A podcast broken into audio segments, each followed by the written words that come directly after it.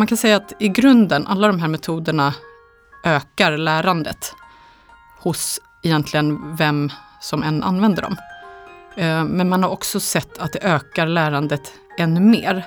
Faktiskt, speciellt den här eh, som man kallar testeffekten. Eh, hos barn som har svårare att lära sig. Välkommen till Natur och kulturs podcast Akademiska kvarten. I den här podden ger vi dig en akademisk kvart med tongivande personer som har något viktigt att säga om svensk utbildning.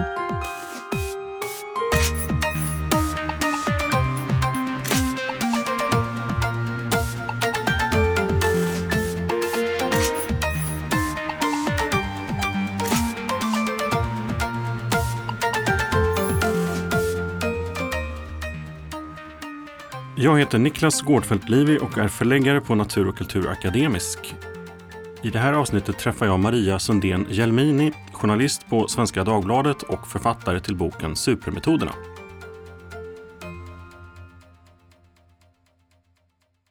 Idag är vi i Stockholm, närmare bestämt på Natur och kultur och vi har en gäst i studion som heter Maria Sundén Jelmini. Välkommen Maria! Tack så mycket! Eh, du har skrivit en bok som heter Supermetoderna, forskarnas fem bästa strategier för att lyckas i skolan. Eh, och jag skulle egentligen vilja börja med den här frågan. Varför är du intresserad av de här frågorna? Jag skulle säga att det egentligen började med att jag, eh, jag är journalist på Svenska Dagbladet. Just nu så skriver jag om vetenskap just med fokus på minne och, och lärande och sådär. Men det här började egentligen väldigt mycket tidigare när jag för flera år sedan skrev mycket om utbildnings och skolfrågor. Eh, och jag såg väldigt mycket det här, liksom hur, hur många barn kämpade väldigt mycket med skolan. Eh, att det också var väldigt stora klyftor mellan skolor, mellan elever, som man inte verkade kunna få bort. Och sen ja, lite parallellt med det här nu liksom senaste åren, så här, mina barn har blivit äldre och eh, sliter också med skolan emellanåt. Så jag ser hur mina barn till mina kompisar kämpar, liksom, eh, de får ganska mycket läxor, det är prov. Men att man, de inte riktigt vet hur de ska ta sig an det här. Man, de får inte reda på det riktigt i skolan kände jag. Så allt det här liksom har, har tillsammans legat och grott lite hos mig. Eh, och så började jag fundera på den här, det här liksom, hur, hur kan jag som förälder hjälpa dem? Liksom, om jag nu inte om inte mina barn hamnar på en av de här skolorna som verkligen lyckas få med alla elever och sådär. Finns det någonting som jag som förälder kan göra? Så det var egentligen det som, de frågorna som jag hade som jag började ta, ta runt och fråga forskare runt omkring. Liksom. Så så mm. föddes idén kan man säga. Just det, och sen har du då dykt ner i den här frågan och försökt att eh, hitta en väg igenom antar jag då för att tipsa till exempel andra föräldrar. Ja precis, det blev lite mitt angreppssätt sådär. För jag, jag kan ju inte riktigt påverka hur, vad man lär ut i skolan, Eh, jag tror att det är svårt också att skriva en bok direkt till barn, för i alla fall inte mina egna skulle, de skulle inte läsa den helt enkelt. Så det är därför som jag har, har försökt här, ta vägen genom föräldrarna, liksom, för att få, få ut den här väldigt, vad jag tycker är viktiga informationen. Mm. Eh, och det finns ju en ganska spridd uppfattning om att man i skolan så ska man försöka använda sig av elevernas egna intressen till exempel. Då. Att det har funnits en, en trend under en ganska lång tid att man delvis ska försöka eh, arbeta luststyrt. Men du pratar i din bok om att eh, lära sig saker, det är jobbigt. Alltså ja, om man väldigt ofta, ofta så är det det som, som kännetecknar att man faktiskt här, gör framsteg och lär sig någonting. Det är att man behöver kämpa lite grann. Och det tror jag också att man, man som barn kanske behöver veta, att det, det, det ska vara lite jobbigt ibland. Eh, för då blir det väldigt mycket effektivare på sikt. Men när det känns alltför så lätt i stunden, ja, då utvecklas man inte så jättemycket. Det kan vara till exempel att här, bara läsa en text väldigt många gånger gör att man kommer känna, eller inte väldigt många gånger, då lär man sig det väl så här okej, okay, liksom. men det gör att man, man känner igen det man läser när man läser en andra gång och då känns det ganska lätt och det känns som att man kan det och, och tjoho vad bra. Liksom. Men sen när det är ett prov om, om några dagar så kan man det inte i alla fall för att den, det är lite förrädiskt just den här lustfyllda känslan. Så mm. det behöver inte alltid finnas ett samband mellan liksom att det är roligt. Sen kan man ju förstås jobba med exempel som är nära det barn är intresserade av för att det, det ska bli ska bli kanske roligare för dem, och, eller man ska här, öka intresset för ämnet i sig. Liksom. Men, men annars är det väldigt mycket just den här eh, att när barn känner att de lyckas, det är också då motivationen väcks snarare än att det kanske alla exempel i matten behöver handla om fotboll, vilket snarare blir lite så konstlat. Mm. Det är väl också en del studier som, som visar på det, att det behöver inte vara positivt att, mm. att det alltid ska handla om deras favoritämnen. Liksom. Nej, och då måste man ju också lära barnen vad det är att lyckas, tänker jag.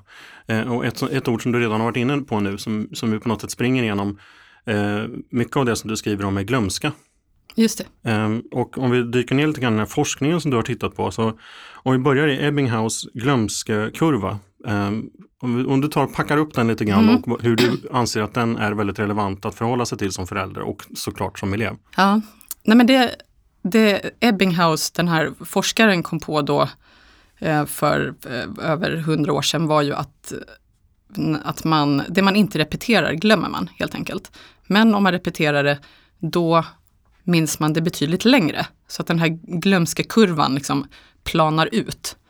Och det här vet ju de flesta av oss som har som läser böcker och tidningsartiklar och sådär. Om man, man läser någonting som man tycker är jätteintressant och sen efter ett halvår ska man berätta om, om så här viktiga poänger och lite citat man ville minnas. Och så här. Och oftast så är det ganska blankt när man ska göra det här. Och så, så är det ju också för barn. Och det här gör ju att man, det man, det man då kanske lite ytligt lär sig i sjuan är ofta borta ganska snabbt. Vilket gör att man heller inte kan kroka i kunskap i annan kunskap på det sätt som, som man skulle kunna göra kanske. Mm.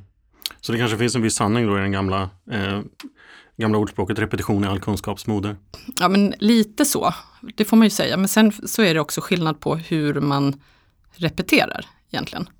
Oavsett det, då, vad det handlar om. Ja, och då kan vi komma in på eh, en annan eh, forskning som du refererar till, nämligen makarna Björk. Eh, om eh, lagringsstyrka och erinring, erinringsstyrka. Skulle du kunna beskriva det lite grann?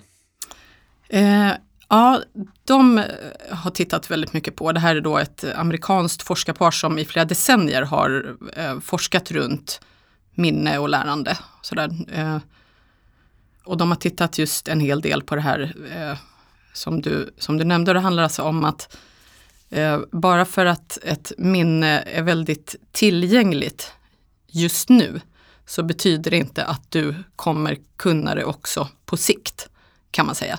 Bara för att din erinringsstyrkan, att det ligger nära till hands just nu, eh, betyder inte att det är väldigt väl lagrat. Och om det då inte är väl lagrat så kommer du också glömma det ganska så fort. Eh, så man kan säga att det här är lite grunden i flera av de här metoderna. Att det handlar ju både om det så handlar det om att man liksom ska få, få in eh, få informationen och först fastna men sen också eh, lyckas eh, cementera den liksom, och koppla den till, till kunskap vi redan har till exempel. Men få den att eh, fastna i långtidsminnet och ligga kvar där helt enkelt. Mm. Och då är vi tillbaka till det ordet glömska för att eh, det visar sig att det är egentligen bättre att man faktiskt glömmer det man har lärt sig eh, lite mer för att sen återigen eh, repetera eller lära sig det igen, eller hur? Ja men precis. Eh, och då är vi inne lite på det här igen som du frågade först, liksom, att behöver, ska det alltid vara roligt att lära sig? Liksom? Eh, att det har man också sett att om man låter kunskap vila lite grann innan man ger sig på det igen så ökar man också lagringsstyrkan av det här minnet när man sen repeterar det en gång till. Att det är lite jobbigare då om du bara sitter och räknar massa procent, liksom, eh, fyra sidor, då efter de här fyra sidorna, men då är det ganska enkelt. Liksom. Då kan du det och då kan du göra fem och sex och sju sidor också. Men de här sista sidorna ger inte särskilt mycket. Men om du däremot väntar ett par dagar och sen så ger du dig på det här igen. Då har liksom eh, minnet hunnit sjunka undan lite, det är lite mindre tillgängligt. Det är lite tuffare för dig att plocka upp det. Men det här gör också att det fastnar bättre. Mm. Som en slags styrketräning nästan för hjärnan. Ja men det kan man säga faktiskt. Att istället för att köra biceps en timme liksom, så är det kanske bättre att göra det tio minuter och sen göra tio minuter i övermorgon. Mm. Eh, boken heter Supermetoderna. Jag tänkte vi kunde, om du kunde välja ut en av de här supermetoderna och förklara eh, hur den fungerar och eh, eh helt enkelt också kanske säga varför du vill välja ut just den. Mm. Eh, jag kan säga att först, det var svårt att bara välja ut jag valde fem för jag tyckte att det var ändå så bra att fokusera på ett antal men i den här boken så är det liksom egentligen insprängt en himla massa supermetoder. Eh, men det är just de här fem som jag tycker på ett ganska så tydligt och enkelt sätt kan, kan förändra bra liksom, hur barn lär sig. Eh, och en metod som jag skulle vilja lyfta lite extra är den som kallas för, eh, man kan säga testmetoden.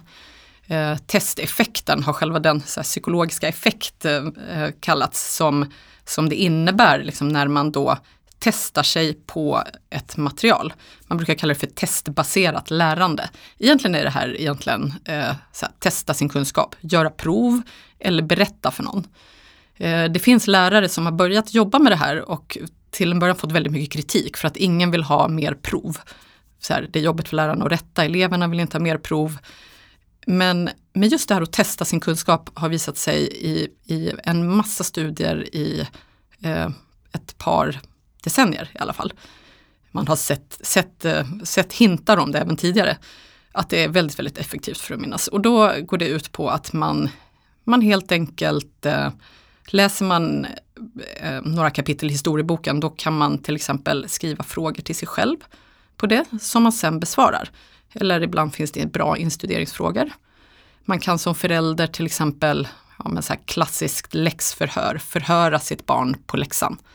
Eh, och, och, vilken man än använder av de här metoderna, det är ju lite beroende på hur gamla barnen är. Liksom. En, en 15-åring eh, klarar absolut att sitta och skriva frågor till sig själv. En 11-åring kanske, då kanske det är just det här förhöret som är, funkar bättre. Och just det här när man tvingas att leta efter kunskapen i minnet, sätta ord på den, eh, förklara på ett begripligt sätt. Det är det som då verkar göra att det blir man minns väldigt bra. Så det man har gjort är alltså att man har testat i olika situationer, massa olika akademiska studier. Där till exempel en grupp bara har fått läsa materialet och en har fått först läsa någon gång, man måste ju ha, ha en grund liksom. Eh, men sen istället ägnat mest tid åt att testa sig på det. Så har man sett gång på gång på gång att det är otroligt mycket effektivare att testa sig på det. Och att det också då det är effektivare till provet som är om fyra dagar. Men det är framförallt väldigt, väldigt bra för att minnas lite på sikt. Mm. Och det är också ett sätt för, att, eh, för läraren att visa eleverna var någonstans man är på väg så att säga i kunskapsinhämtningen. För det har man också sett att diagnoser som eh, elever misslyckas med totalt leder ändå till att de lär sig mer i slutändan för att de har fått något litet korn av vad det här kunskapsstoffet går ut på så att säga. Ja men precis, det är ju jättespännande. Jag tar upp det också i, i den här boken, in, inte som en egen effekt, men just det här med vikten av förinformation. Alltså att om man gör ett test, det har man sett också, så här, man gör ett test på elever innan man börjar med antiken. Liksom. Så får de göra prov på antiken, de har ingen aning. De får så här, gissa på varje fråga och det här har man sett också leder till att man sen lär sig väldigt mycket bättre. Mm. Eh, vi har också eh, efterlyst lite frågor i sociala medier och jag har, eh, vi har valt ut en här som eh, lyder så här. Fungerar supermetoderna på elever och barn som kanske måste kämpa lite hårdare än andra för att klara sina studier också? Ja, det, det som är lite spännande med flera av de här metoderna, till exempel den här testeffekten, är att man har sett att den har, den har funkat särskilt bra för barn som har svårare att lära sig.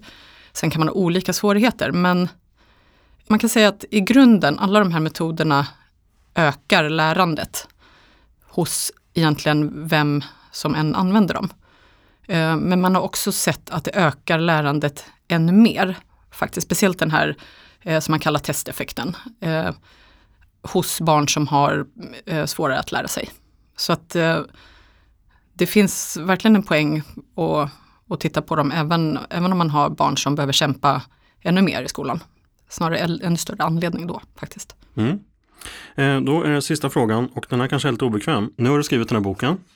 Eh, tycker du att du själv har blivit bättre på att hjälpa dina egna barn att lyckas i skolan efter att du har skrivit den? Ja, den är ju, den är ju jobbig. Nej, men skämt åsido, eh, så ja, det tycker jag. Eh, däremot så känner jag, jag får ju anstränga mig och inte så här pracka på den kunskap jag har på mina barn. Ehm, jag har en, ett barn som är 14 till exempel och det är ju inte en ålder när man vill att mamma ska sitta och, och, berätta hur man ska göra hela tiden. Det viktigaste där är ju nästan att hon, hennes eget driv. Men däremot så har jag gett några, alltså lite då och då så ger jag ett verktyg som hon vet finns där. Och ibland så kommer hon tillbaka till mig och vill att jag ska berätta mer. Och det, det är ju det här som är utmaningen. Liksom. Mens har man yngre barn så är det nog lättare tror jag. Så har man möjlighet att ge dem de här verktygen innan liksom, puberteten, så de sen har dem, så är det ju bra. Grejen är ju att allting handlar ju egentligen bara om en vana. Det är väldigt svårt och jobbigt att bryta en vana oavsett om det handlar om att sluta äta godis eller börja jogga. Liksom. Det är ju kämpigt. Vi, man, vi är programmerade att göra det vi, det vi gör. Och så är det ju här också, att är man, läser man sida upp och sida ner när man pluggar och tycker att det är bästa sättet, då kommer man allra helst fortsätta göra det.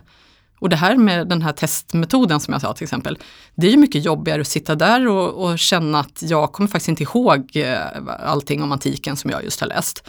Det är inget kul. Liksom. Det är mycket skönare att läsa en, en tredje gång och känna att ja, men nu känner jag igen varenda stycke här. Det är ju jättebra.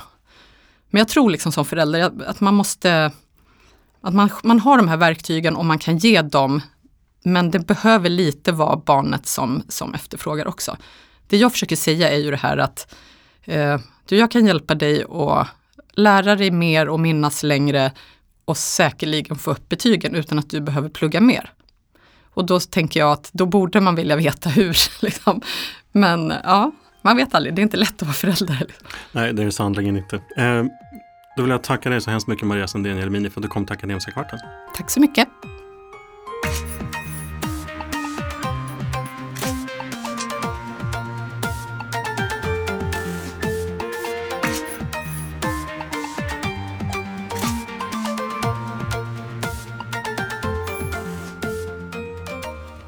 Förlaget Natur och kultur är en stiftelse som utan ägare kan agera självständigt och långsiktigt. Vårt mål är att genom stöd, inspiration, utbildning och bildning verka för tolerans, humanism och demokrati.